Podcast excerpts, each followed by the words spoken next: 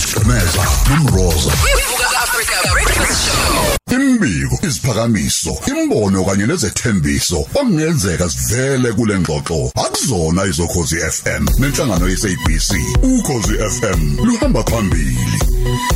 Sisho njalo sithi vuka uqonde kabanzi ngezezimali usekhona kumfowethu la oyi financial coach uMr Sifiso wakanala. Sifisa sikubingelele emsakazweni body Angibingelele nami kakhulu eh ngibingelele kuyo lonke ithimba ngibingelele kona browser ekuseni ngibingelele nomlaleli ke elapho ekhona. Hey uthi asibaleke kwimali imboleko Ngenyawo zombili. ngeenyawo zombili siflathele Lezinyawo zombili ayithenge futhi.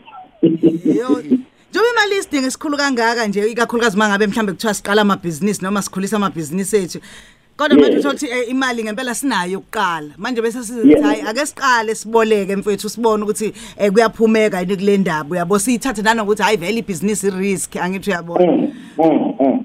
kodwa hey angazi mfethu.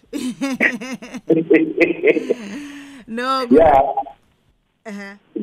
Kulungile wemroza ngicabanga ukuthi siswami la izakho ngiqhamukise kanje inkulumo namhlanje eh eyokuthi kunabantu aba- aba- aba- abakha amathuba omsebenzi ekuthiwa small business. Ngakho kwezinye indawo zokuthi small business is big business too. So ngamanye amazwi babukeleka phansi abantu abakha umsebenzi uthola ukuthi usebenza ngayedwana kunamatafula. Khona abantu abaqashile ey'ndaweni labeke khona amatafula. So amathuba kunemizi esidla ngaleyo muntu ikhona omunye mhlawumbe uthola thina kuyena isipaza shop khona umuntu imizi esidla ukuthi uqashiwe kuleso sipaza noma kwi-tavern and so forth. so ke namhlanje asike siyibheke leyo ndawana ukuthi nabo bafika lapha khona befuna mhlawumbe iy'mali zokukhulisa kwawona la mabhizinisi abo ukuze futhi bezoqhubeka lokho beqashile futhi bezuzile nabo. Kodwa uthole sezinye emthumeni-ke la. Zime emthumeni. Yes. Lalela So- ngiyakuzwa Sekubo- ngiyakuzwa. sekubona sekubonakala mroza ukuthi sekufanele ukuthi-ke manje ayoboleka bese sidayeleka ini izikweletu. Yileyo ndawo ukuthi-ke ake sibhekisise before senze isikweletu asibe into yokugcina isikweletu sibaleke ngey'nyawo zombili kusona zami uyobheka en- engxenye ukuthi ikhona lapho singase sithole utho khona. Kusho ukuthi nje u- u- u- namhlanje thina sibuka kakhulukazi la ab- osomabhizinisi kakhulukazi nakuma-spaza shops nani nani. Mhlawumbe bakhona yini abanye eh, abangenayo kulolu daba? Ye ba- ba- bakhona umrozo yazi sinamaciko ethu la ake ngiyisho leyo maciko eh kunamaciko othola ukuthi abangabahlabeleli abanye abanye benza ba- bayadlala insimbi abanye bayadweba abanye bekwahlukahluka kwabo. Nabo labo basuke bedinga kakhulu ukuthi-ke ba- ba- basizakale ngokunhlanhla ikhona-ke nayo ingxenye futhi yokusizakala kwabo ey'ndaweni lapho khona bengakwazi ukuthi bathole ukuthi-ke nabo balunguze bese beyavelelelwa ngale kokuthi kube yisikweletu Mm mm mm. Hlobo luni lwemali eh olungenayo imbandela ngoba phela eh yabo uma ngabe kubolekwa noma kwenziwani kuba khona imbandelana ethile. Hlobo luni lo kuthiwa lona linambandela ngiyathe ngiyathe umthiya lapho uselindele ukuthi ngisho ukuthi inhloboni yale mali. Ukwazi. so no uhlobo uhlobo lale mali lokho sithi ke ama grant uma ngabe kuyi grant kusuke kuyimali ozothola ukuthi eh iyaphuma ingaqhamuka kuhulumeni ezikhungweni ezithize mhlambe zakhe uhulumeni noma mhlambe ke even kuyena private sector inkampani ezimbili ezintathu enokuthi kwenze lokho. Le mali suke ukuthi inhloso yayo isuke iyolekelela ukuthi into enhle ethize eyenzekayo ndawana thizeni noma ngosibanibani ayiqhubeleke phambili phela iyenzeke. Bese nabo bazibone bebe negalelo lokuthuthukisa lowo msebenzi ngaleyo ndlela. Ayibuyeli ke emuva le mali inhloso yayo ukuthi ayiyokwenza lokhu ebikade idalelo ukuthi ayikwenze Okay. Eh, Uyakhuluma nge- nga- ngama ngezibonelelo zikahulumeni. Kazi eh, if igcina ifike kanjani kuyikhampani noma kuyiorganization leyo? Itholakala kanjani le mali?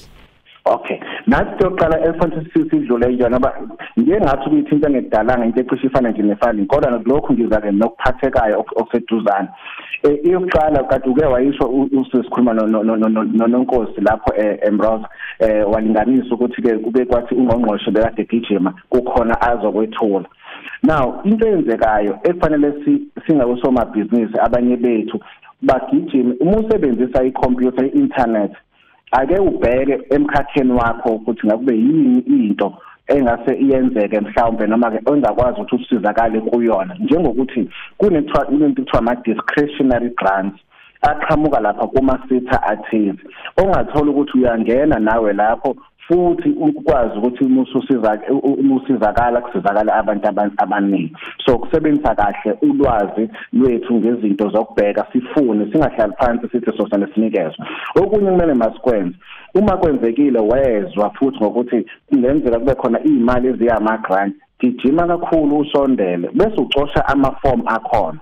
Uma ngabe kuthi ke kuyangenwa online ngena ke online noma uthole abantu abazokusiza ukuthi ke kugcwaliseke kahle Ngicabanga ukuthi usuvele wayichaza yonke into ukuthi itholakala kanjani eh, le mali esuke isibonelele nokuthi sifinyelela kanjani eh, kulolu xhaso.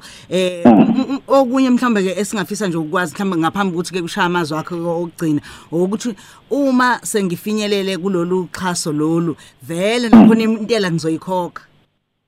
Ah yabuya indaba yenhle yeah. Uhulumende le mali yeah nje ungiphile. Siyasha, sha. imfokanala injalo injalo. Umuntu ke ohlale nenkinga namthiya wena mfethu ofake lo mbuzo ngiyazi. Eh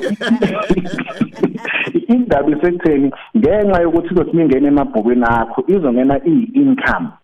Wena bese uyaqhubeka usebenza ngaleyo ndlela ke gcineni kuzofanele u-account lokuthi wenzani ngale mali. Uma ngabe kukuthi ke le mali uyisebenzise yaze yaphela ngendlela efanelekile kuma allowable expenses ama expenses izindleko ezivunywa umthetho wezentela hayi usafe. Kodwa mabe uyithathe wayidla ngeindlela nje eyinjabulo yakho. Ngelishwa uzoyithola ke ukuthi fanele ngempela uyikhokhile intela yaleyo mali. Yeah, hayi. Hayi ngisakala. Amazwi akho nje ukuphothula le ndaba esixoxa ngayo namhlanje nanokuthi mhlambe iziphi nje inhlelo esingayibuka ngesonto elizayo kulezi insukane ezizayo utholakala kanjani mhlambe ke umatasatasa ngani.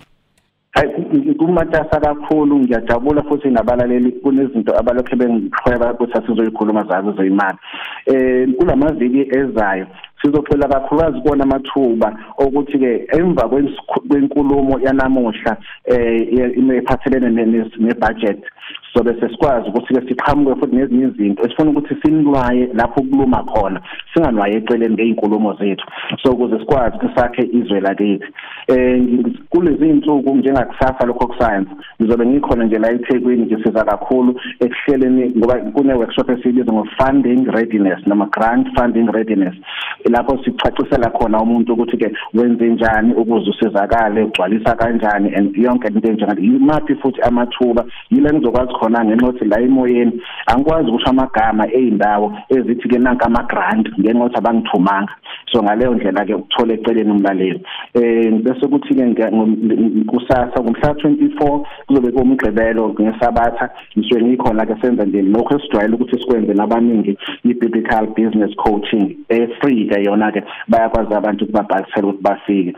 Ngibonga kakhulu ke mroza inazi inombolo umuntu atholakala kuzona 069 294 4108 0692944108 bese kuthi osuke efuna ukuthi eze kwi workshop 072 765 1459 0727651459 egcineni inform email info@nalacoaching.co.za asibonge kakhulu eh ethubeni esithe salithola namhlanje kuseni Siyabonga kakhulu eh kusifiswa kanala i-financial coach yethu. Masithi vuka uqonde kabanzi ngezo ngezezimali. DJ Skameza nomroza. Ivuka Africa Breakfast Show.